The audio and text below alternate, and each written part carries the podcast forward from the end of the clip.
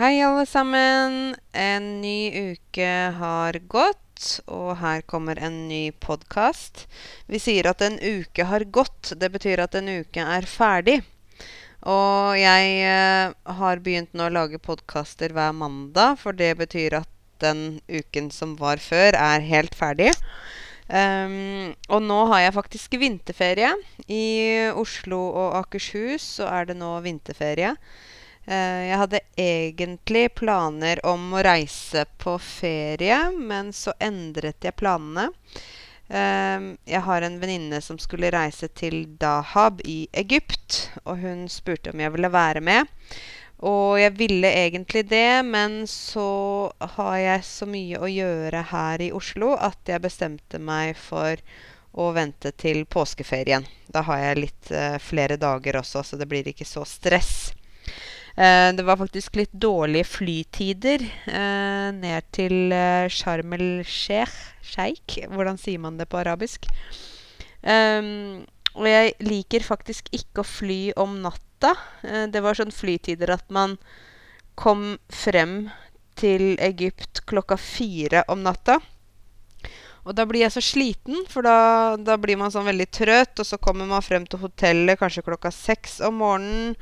Og så eh, kjenner man seg veldig trøtt og sliten istedenfor å ha energi. Så jeg vil heller eh, velge et fly som går til en tid som er litt uh, mer behagelig, da. Eller komfortabelt. Men nok om det. Um, jeg har fått noen henvendelser fra noen av dere som lytter. Det er veldig fint, um, fordi at jeg vil jo gjerne høre hva dere ønsker å vite mer om. Hva dere vil at jeg skal uh, snakke om. Og jeg har fått uh, spørsmål om jeg kan snakke om bryllup i Norge. Og bryllupstradisjoner i Norge. Og det kan jeg selvfølgelig gjøre. Uh, jeg tror nok at norske bryllup er ganske forskjellig fra bryllup i en del andre land. Um, hvis jeg skal gå inn på det som er praksis i dag, så er det litt forskjellig. Um, I fjor så giftet uh, både kusina mi seg og fetteren min. Um, kusina mi giftet seg om vinteren, så det var vinterbryllup. Og fetteren min giftet seg om sommeren, så det var sommerbryllup. Um, bryllupet til kusina mi, det var på Storefjell som ligger eh, Det er et høyfjellshotell. Um, og det var et eventyrbryllup. Eventyrbryllup betyr at det er som et eventyr. Altså veldig sånn fantastisk. Uh, hele familien og også venner og kollegaer og veldig mange bodde på hotellet, så vi var der hele helgen, egentlig. Uh, og det var så fint, for da hadde vi liksom flere dager som vi var sammen, da. Ikke bare den bryllupskvelden, eller selve bryllupet. Så vi kom opp på fredag, eh, fredag kveld. Og da Nå forteller jeg dere bare om eksempel da, ikke sant, på et bryllup. Det betyr ikke at alle bryllup er sånn som bryllupet til min kusine, men det kan være sånn. Vi kom opp på fredag kveld, alle gjestene. Og da var det en eh, middag mm, med eh, alle sammen. Da var kusina mi der, og hennes forlovede, selvfølgelig. Og mm, vi spiste sammen og hadde noen leker. Vi har sånn, vi kan si voksenleker, da, sånn at man skal bli kjent med hverandre. Sånn eh, f.eks. quiz eller noe sånt. Eh, og så var det litt spesielt, for eh, faren, eller pappaen til kusina mi, døde i eh, oktober eh, av eh, hjerteinfarkt. Hjerteinfarkt betyr at hjertet stopper, rett og slett. Um, han døde plutselig. Altså, han døde uventet uten at vi uh, visste at um, han var syk. Så det som var veldig spesielt med det bryllupet, var at uh, det var i februar. Så det var jo bare fire måneder etter uh, faren til kusina mi døde. Altså det er jo min onkel, ikke sant? Så alle var litt sånn um, sensitive. Eller litt uh, Vi var både glade for at hun skulle gifte seg, samtidig var vi triste for at pappaen hennes ikke var der, ikke sant. Så vi hadde liksom litt sånn blandede følelser. Men eh, kusina mi bestemte seg for at de skulle gjennomføre bryllupet. For de hadde planlagt veldig mye. De hadde booket hele hotellet. De hadde, ikke sant, bestilt mat og kjole og jeg vet ikke hva. Du vet jo hvor mye forberedelser det er til et bryllup. Og derfor eh, hadde vi bryllupet, men det var noen ganger som vi alle sammen på en måte gråt litt, da. Ikke sant? Når vi hadde taler. En tale betyr at når noen eh, reiser seg opp og forteller noe litt sånn formelt, ikke sant. En tale i et bryllup, f.eks. Eh, det kan også være en tale i en bursdag. Så det var litt sånn, ja, følelsesmessig tøft for familien, men, eh, men det gikk bra. Um, på lørdag uh, morgen, da eh, skulle alle gjøre seg klare til uh, å dra ned til kirken. Det er en sånn fjellkirke der oppe i Gol kirke, heter den kirken, da. Veldig fin uh, kirke. Så var det mye snø der, for det var jo på fjellet. Så det var sånn eventyrlandskap, ikke sant. Helt hvitt Kirken var hvit, masse snø. Uh, og alle gjestene pyntet seg. Um, så er min mamma hun er en tidligere frisør. Hun er ikke frisør nå i dag. Um, men hun var frisør i over 20 år, så hun skulle pynte mange av damene i familien. Pynte og sette opp håret vårt. Så hun hadde ganske mye jobb på, på morgenen. Begynte klokka sju. Eh, og så eh, måtte jo alle hjelpe hverandre, da, ikke sant. Um, så dro vi ned til kirken. Da er det sånn at når man er på bryllup i eh, Altså man er på den seremonien i en kirke, så sitter familien til uh, bruden og brudgommen. Brudgom heter da mannen som gifter seg. Bruden er navnet på dama som gifter seg. Familien til bruden og brudgommen sitter eh, foran, helt foran, på de første benkene. Og så kommer da eh, litt eh, Kommer slekt etter den nærmeste familien. Og bakover og bakover og bakover kommer venner og kollegaer osv. Hvis man f.eks. er kollega, altså at man jobber sammen med den som skal gifte seg, da må man ikke sette seg på den første benken helt foran. Da blir folk veldig forskrekket, eller litt sånn Hva? Hvorfor setter du deg der? Du er ikke nærmeste familie. Så det handler om respekt, da. Da må du, du må finne en plass som passer i forhold til din relasjon til den som skal gifte seg, da. Eh, så var det en kvinnelig prest. Veldig ung, uh, ung jente, men hun var veldig flink. Uh, hun leser da opp forskjellige ting. Uh, vi synger. Da er det ofte sånn ark hvor det er forskjellige salmer. Salmer, det kaller man uh, sangene fra som man synger i kirken, da. Og så kom bruden inn, altså min kusine. Det som var veldig sånn litt, Kanskje litt sånn følelsesmessig tøft akkurat i det øyeblikket, var at det var jo egentlig hennes pappa som skulle føre henne opp midtgangen, sier vi. Frem til alteret, ikke sant. Det var hennes pappa som skulle gå med henne, men um, fordi han døde, ikke sant, så var det hennes bror som tok henne opp. Hun har en lillebror. Så han uh, førte henne frem til alteret, der uh, forloveden hennes allerede sto og ventet på henne. Eh, og dere som har vært i et kirkebryllup, dere vet jo hvor spesielt det er når man går frem, ikke sant. Alle ser på deg, alle studerer deg. så kommer man frem til alteret, og så er man på en måte klar for å gi hverandre ekteskapsløftene, ringene, og svare ja, at man ønsker å gifte seg med hverandre. Så ja, det var veldig fint. En eh, veldig fin seremoni. Og så var det noen uh, som sang. Det var litt solosang. Det var noen som spilte Jeg uh, tror det var uh, Husker ikke Klarinett eller noe sånt instrument. Det var en kjempefin seremoni. Og etterpå så gikk alle ut av kirken, og da har vi som tradisjon at vi kaster ris på brudeparet. sånn tørr ris. Ikke, ikke ris som vi har kokt, altså, men tørr ris kaster vi på brudeparet. Eh, og så blåste vi såpebobler. Sånn som barna blåser, ikke sant, med vann og såpe. Eh, så tok vi masse bilder og sånn. Eh, og så dro alle gjestene tilbake til hotellet. Og da dro kusina mi, som nå var da gift Hun dro sammen med mannen sin i en veldig fin, elegant, klassisk bil. Jeg tror det var en gammel eh, Mercedes eller noe sånt. Så dro de sammen med fotografen for å ta bilder. Så mens gjestene da drar tilbake til hotellet, så er de ute og tar bilder. Og kusina mi sa at det var veldig kaldt å ta bilder, fordi det var jo vinter. Så hun uh, var veldig, veldig kald. De tok jo bilder ute. Nydelige bilder, egentlig. Um, det er jo så fint når bruden har hvit kjole, og så er det hvit bakgrunn, eller hvitt landskap, av all snøen. Uh, og hun sa at de måtte ta bildet litt fort, for blomstene begynte å fryse. Altså blomstene begynte å endre farge fordi det var så kaldt. Um, og etter hvert så kom de da tilbake til hotellet.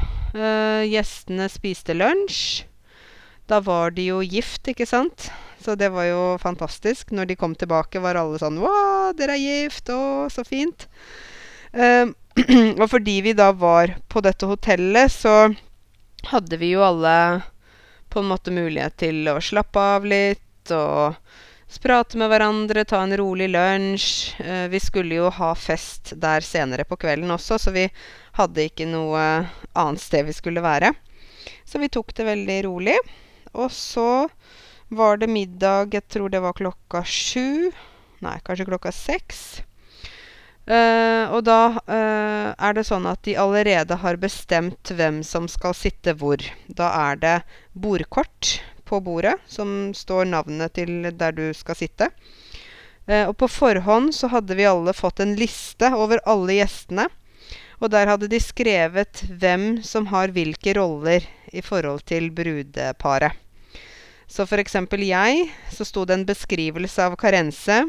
Karense da, Jeg husker ikke helt, men det sto Karense er en språkkyndig eh, lærer. Språkkyndig betyr at man er god i språk. Karense er en språkkyndig lærer og kusine til bruden. Så sto det at jeg var kusine til bruden, da. Og så sto det beskrivelse av alle, alle gjestene. Så da kan man på forhånd liksom prøve å orientere seg og lese hvem som er hvem osv. Før man setter seg ned ved bordet til middagen, så vet man kanskje hvem de andre er, selv om man ikke kjenner dem. Eller man vet hvilken relasjon de har til brudeparet, da. Um, og så er det jo sånn i Norge, og det er kanskje uh, noe av det som er veldig annerledes for mange, er at vi har veldig mange taler i bryllup i Norge. Um, tale, som jeg sa, det er når en person snakker til mange, og de hører på. F.eks. når uh, um, Nelson Mandela talte til det sørafrikanske folket. Når uh, Barack Obama talte til det amerikanske folket, f.eks. Når Erna Solberg taler til eh, nordmenn. Men det kan også være at f.eks. da mammaen til min kusine, altså min tante, hun talte til sin datter. Ikke sant? Og da hører alle på hennes tale. Da har hun allerede skrevet hva hun skal si. og um, min kusine og hennes mann de er veldig sosiale. De har veldig mange venner. Så det ble veldig mange taler. Veldig mange taler. Jeg tror det var 17 eller 18 taler. Noen var lange, noen var korte. Men det er mange. Så når noen da tar gaffelen eller skjeen og plinger i glasset sånn ding, ding, ding, ding, da skjønner vi at ok, nå er det neste person som skal tale. Eh, I tillegg så har vi en tradisjon med at hvis vi um, Hvis vi tramper, altså med, med føttene på gulvet Sånn. Da må brudeparet opp på stolen, på hver sin stol, og så må de kysse hverandre. Uh, og hvis vi klirrer i glasset, hvis alle gjestene sier ding, ding, ding, ding, ding i glasset, da må brudeparet under bordet og kysse. Og dette kan vi gjøre ganske ofte, sånn at de må hele tiden opp på stolen og under bordet. Opp på stolen og under bordet. Um, hvis brudgommen, altså det er mannen som har giftet seg Hvis brudgommen går på toalettet eller forsvinner, går ut av lokalet der man sitter og spiser, da skal alle mennene som er på bryllupet, de skal gå og gi en klem eller en kyss på kinnet til bruden, som sitter der da alene. Og det samme er hvis bruden går på toalettet, f.eks. Da skal alle damene gå til brudgommen og klemme han eller gi han kyss på kinnet. liksom sånn der 'Å, nå har vi sjansen. Nå sitter han alene. Da må vi gå og gi han en klem.' Det er bare sånn tull, da. Ikke sant? Eh, så jeg tror dette her med det at vi har så mange taler i bryllup i Norge, det tror jeg eh, er en stor forskjell, egentlig. For eh, i andre land så har man ikke taler. Man på en måte spiser, og så er det dans og fest hele natta. Vi har også dans og fest, men vi har disse talene. Og det er veldig viktig for oss.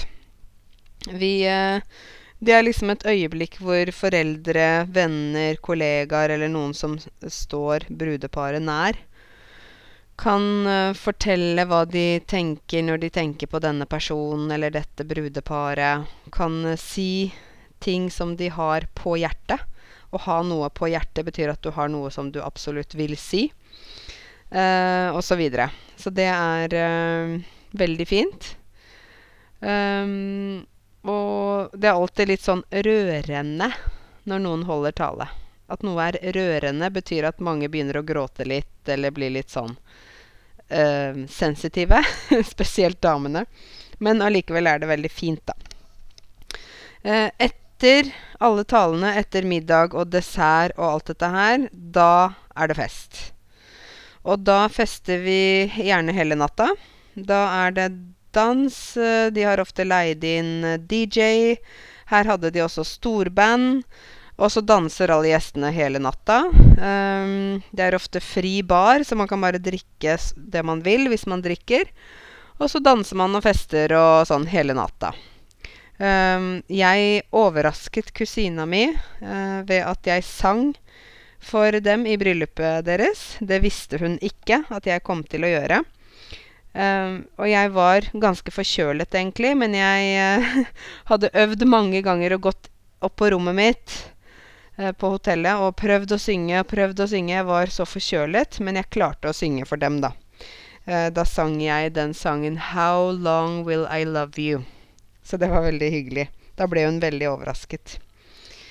Da hadde jeg øvd med det storbandet. Det er et sånt stort band som var der på forhånd. Jeg hadde øvd med dem to-tre ganger i hemmelighet uten at de visste at jeg um, Uten at de visste at jeg gjorde det. Så det var sånn veldig stor overraskelse, da.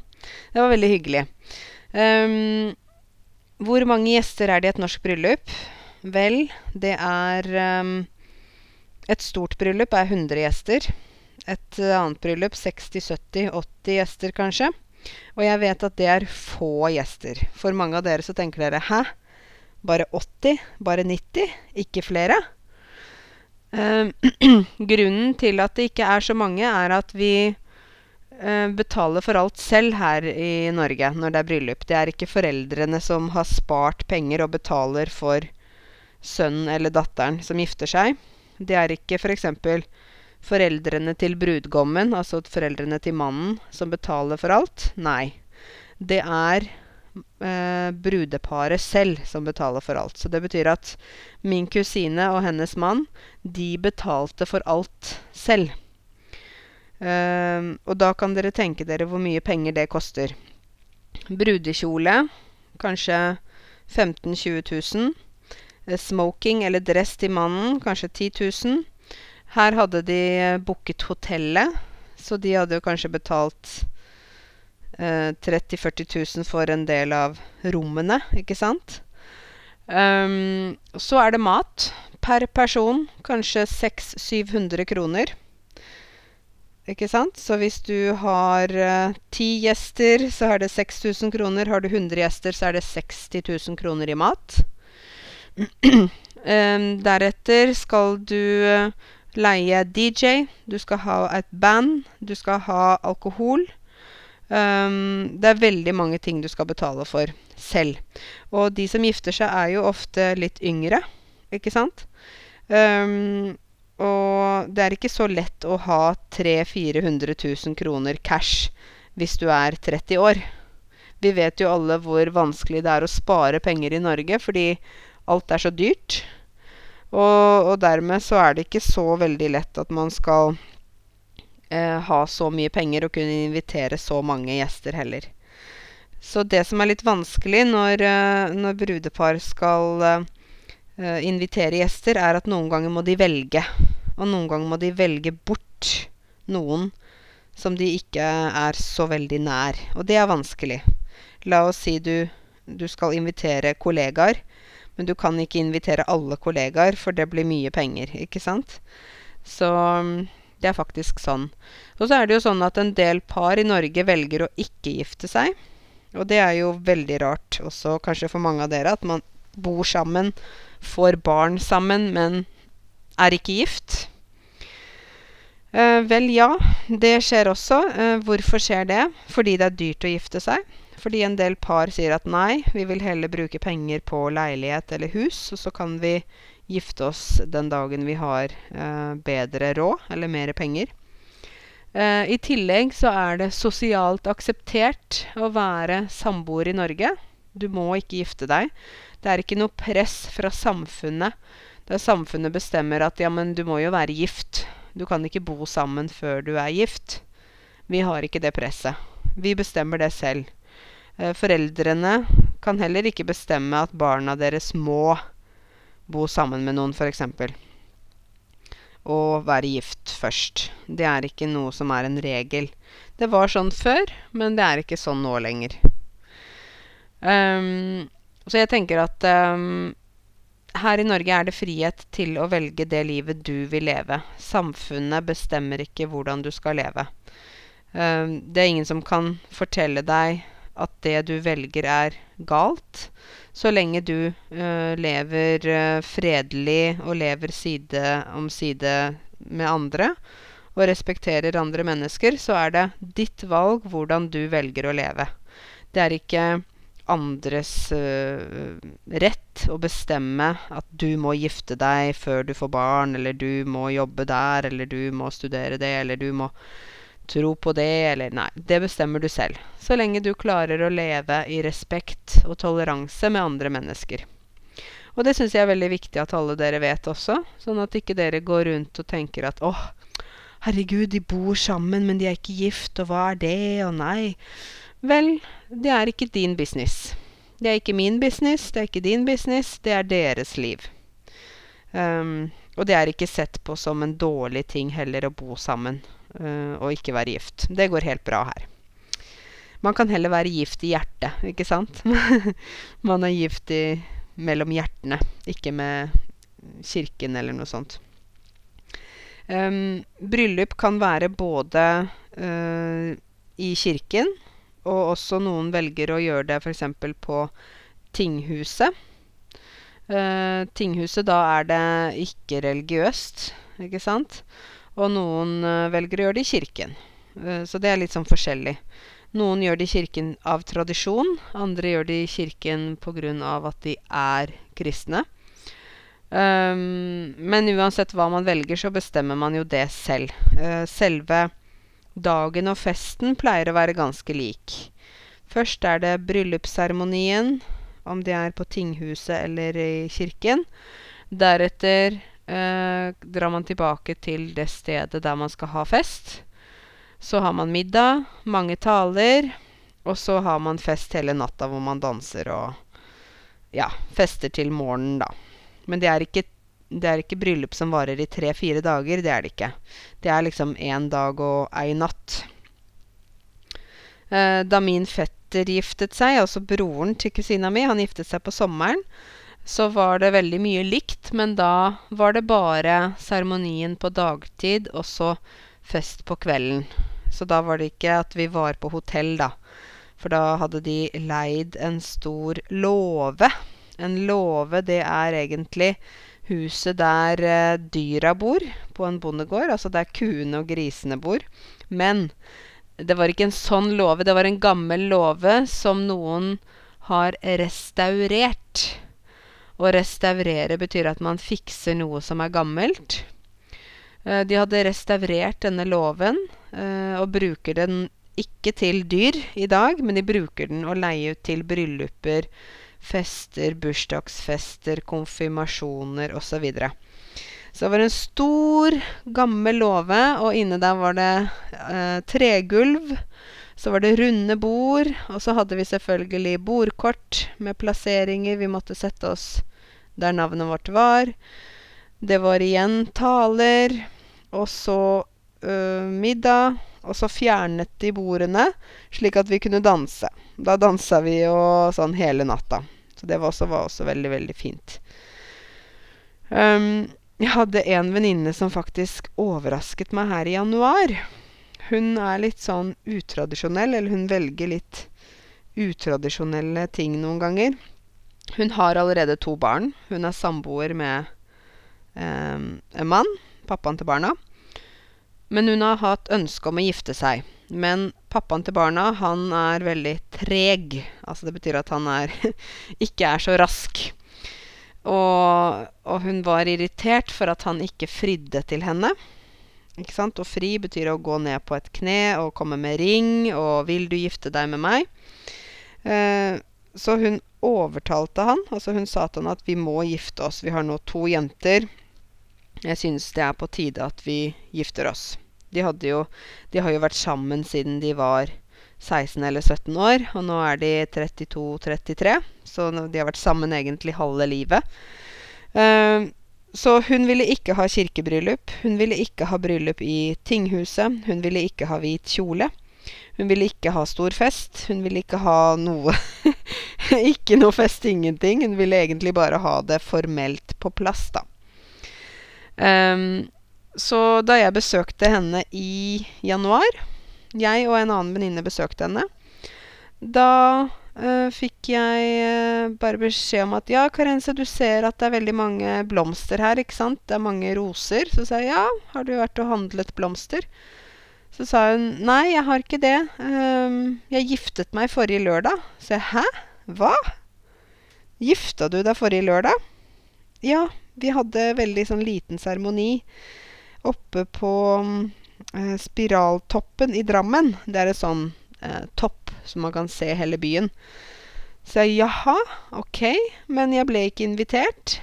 Hun sa nei, vi inviterte ingen venner, vi hadde bare nærmeste familie. Min, min bror og mine to søstre, mine foreldre og hans familie.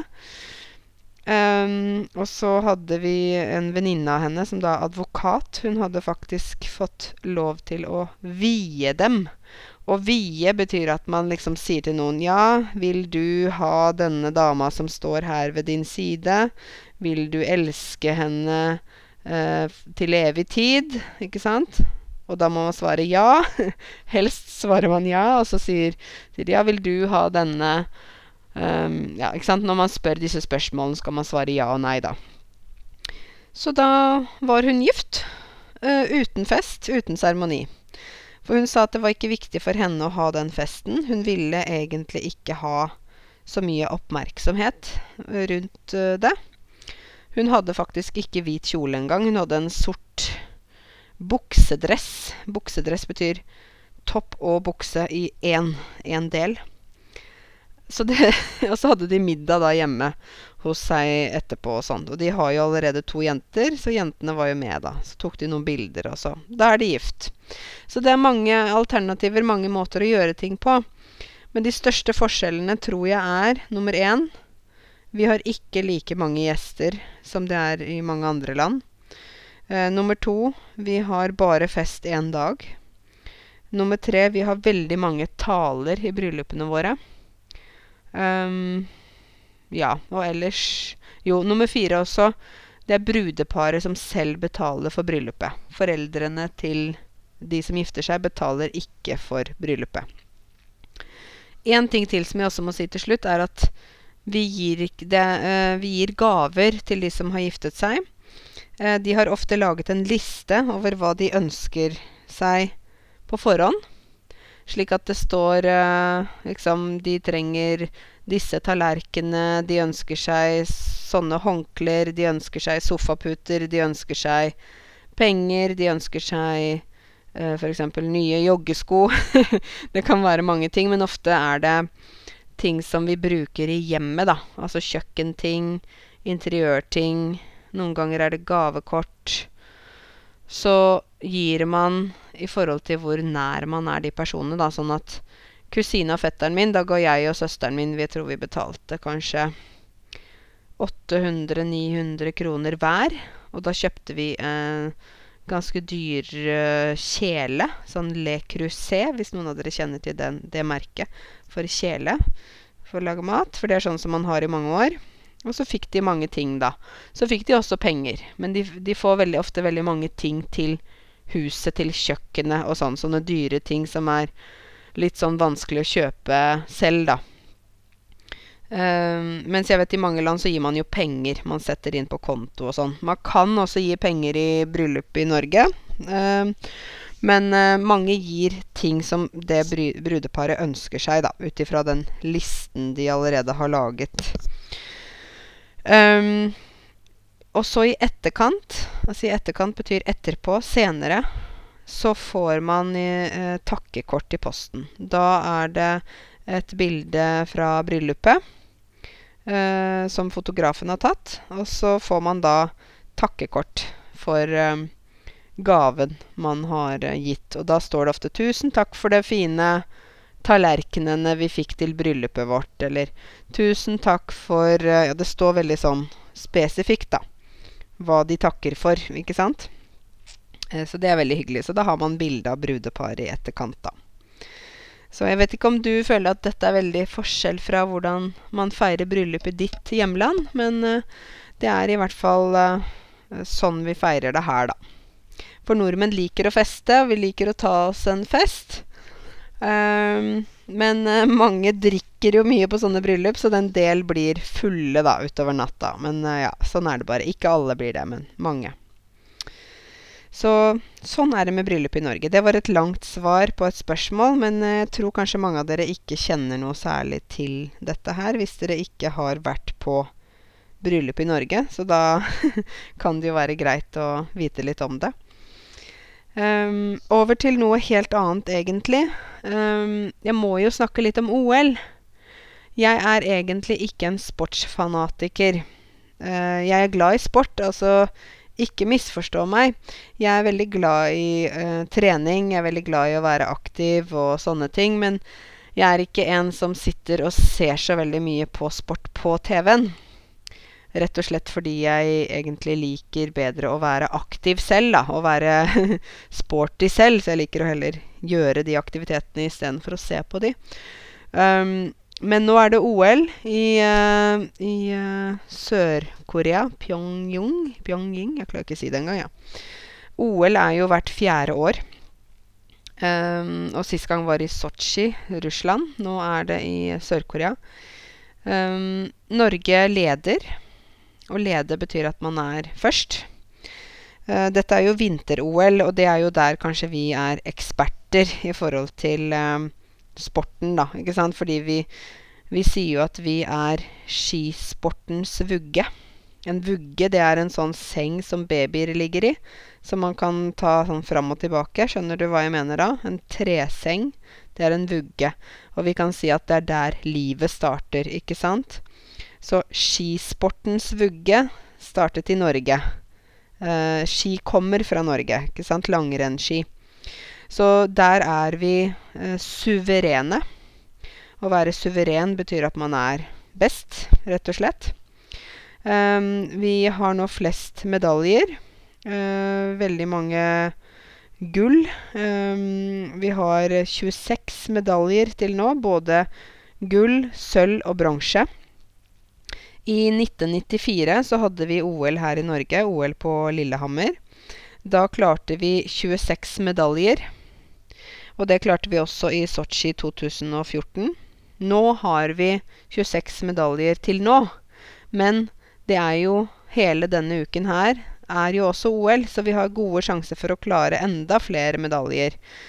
Um, det er nå estimert at Norge kan få opptil 40 medaljer i OL. Dere forstår hva medalje er, ikke sant? Det er den gull eller sølv eller bronse man får rundt halsen når man vinner. um, vi har jo noen sånne favoritter uh, som går på ski osv. Uh, noen som er uh, går på langrenn. Noen menn som er veldig kjente. Det er Simen Hegstad Krüger. Han går på langrenn. Og så er det favoritten Johannes Høsflot Klebo, som absolutt er favoritten, som har også tatt flere medaljer. Og så har vi slopestyle, en sånn type slalåm, eller ja, der er det Øystein Bråten som også har veldig eh, bra poeng og har klart å fått gull allerede. Og så har vi skiskyting.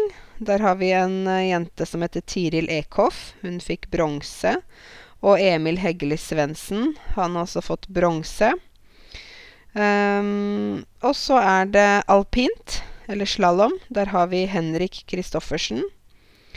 Um, og ja, vi har flere flinke, da. Men det er i hvert fall veldig um, Det er veldig populært for Norge fordi at vi, vi ofte vinner. Vi, hvis vi sier at langrenn startet i Norge, så er det jo også naturlig for oss at vi er gode i det, ikke sant? Vi er jo ikke best i sommer-OL. Sommer-OL, det er jo uh, løping, hopping, uh, hekk Uh, alt det der, der, det er vi ikke best i. Men vi er jo best i det som vi har mye trening i, ikke sant? Så det er jo sånn for nordmenn, for meg selv også. Når vi er små, når vi er nesten så vidt har lært å gå, så tar våre foreldre oss med ut i løypa, ut i skiløypa. Der går vi på ski f nesten før vi kan gå. så du ser veldig små barn i skiløypa hvis du noen gang har gått på ski. Så ser du veldig små barn som går på ski. Um, kanskje også uten staver, altså uten de som man holder i hendene, ikke sant. Og de går, de faller, og opp igjen, og faller ned, og opp igjen, og sånn holder vi på år etter år. Jeg husker at jeg gikk på ski uh, siden jeg var kjempeliten. Um, og det var bare sånn det var. Uh, foreldrene våre sendte oss på det vi kaller for skikarusell. Det betyr at man går en løype rundt og rundt og rundt og rundt og rundt mange ganger. Og så fikk vi varm kakao eller varm saft til slutt. Når, uh, når vi var ferdig med å gå. Og det var også veldig hyggelig, da. Um, så jeg vil jo si at uh, for oss så er ski veldig viktig. Det er naturlig for oss. Det er en vanlig aktivitet for oss. Uh, vi går på ski om vinteren. Og det gjør vi fordi at hvis vi bare sitter inne og blir sofagriser, da kan vi bli veldig slappe, late, ha lite energi osv. Så, videre. så det er bedre å komme seg ut, gå en tur, få frisk luft Bevege kroppen, svette litt. Og så kan man heller komme inn og slappe av etterpå. Langrenn er jo også veldig bra fordi man beveger hele kroppen. Man beveger armer, bein, rygg, mage. Alt. Så det er veldig god trening. Men man må selvfølgelig ha teknikk. Har man ikke teknikk, og hvis man ikke kan gå på langrenn og ikke klarer å koordinere armer og bein, da, da, ligger man mer nede på bakken enn hva man klarer å gå, ikke sant? Sånn at det er jo en balanse her, da, selvfølgelig. Uh, jeg går gjerne på ski flere ganger i uka i løpet av vinteren, og jeg kommer til å gjøre det nå også i vinterferien, som jeg har mye mer tid. Da tar jeg med meg skiene. Så tar jeg med hunden min, Bahia. Bahia løper foran, og jeg går på ski. Da blir Bahia sliten, og jeg blir sliten. så når vi da er ferdig med det, så er vi begge utslitte. Og da legger vi oss uh, på sofaen og slapper av. Da kan vi være sofagriser. Men vi har ikke bodd i sofaen hele dagen. Det er det som er poenget, da. Så dere får følge med på OL hvis, hvis dere er interessert i det. Se på NRK. Prøv å se på noen av stafettene, altså når de går langrenn uh, eller skiskyting eller noe sånt.